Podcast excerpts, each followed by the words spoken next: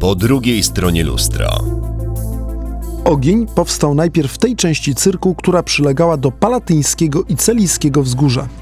Tam, w kramach pełnych towarów, jakimi się płomień podsyca, ledwie wszczął się pożar, a zaraz nabrał siły i rozniecony wiatrem cały cyrk jak długi ogarnął.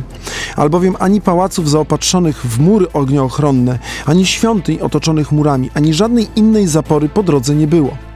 Z gwałtownością więc naprzód rozpostarł się na równinach, potem piął się na wyniosłości, to znowu pustoszył części niżej położone i wyprzedzał wszelkie środki zaradcze wskutek szybkości nieszczęścia, na jakie zresztą narażone było miasto ze swymi ciasnymi i skręcającymi w tę i ową stronę ulicami oraz nieregularnymi szeregami domów. W ten sposób przedstawił pożar Rzymu słynny dziejopis Tacyt. Sam najprawdopodobniej był świadkiem kataklizmu, ponieważ w nocy z 18 na 19 lipca 64 roku miał około 10 lat. Dlatego przypuszczamy, że jego relacja jest w miarę wiarygodna. Co więcej, mógł potomnym także przekazać informacje pochodzące od innych świadków lub źródeł, które zaginęły. Dziś funkcjonuje powszechnie przekonanie, że podpalaczem był cesarz Neron. Tymczasem Tacyt, choć nie darzył sympatią imperatora, zanotował.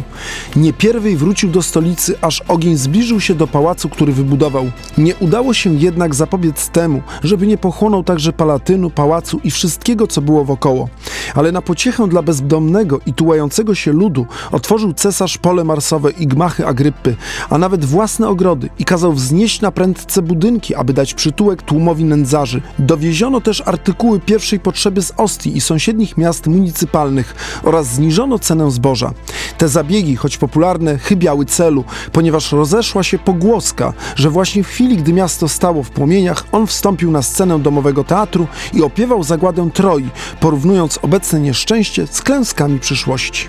Wobec powyższego, zdaniem autora roczników, po pierwsze, Nerona w czasie pożaru nie było w Rzymie, po drugie, zaopiekował się pogorzelcami i po trzecie, to złośliwa plotka uczyniła zeń szalonego śpiewaka podpalacza.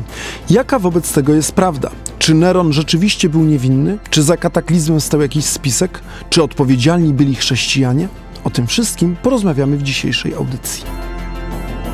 Po drugiej stronie lustra.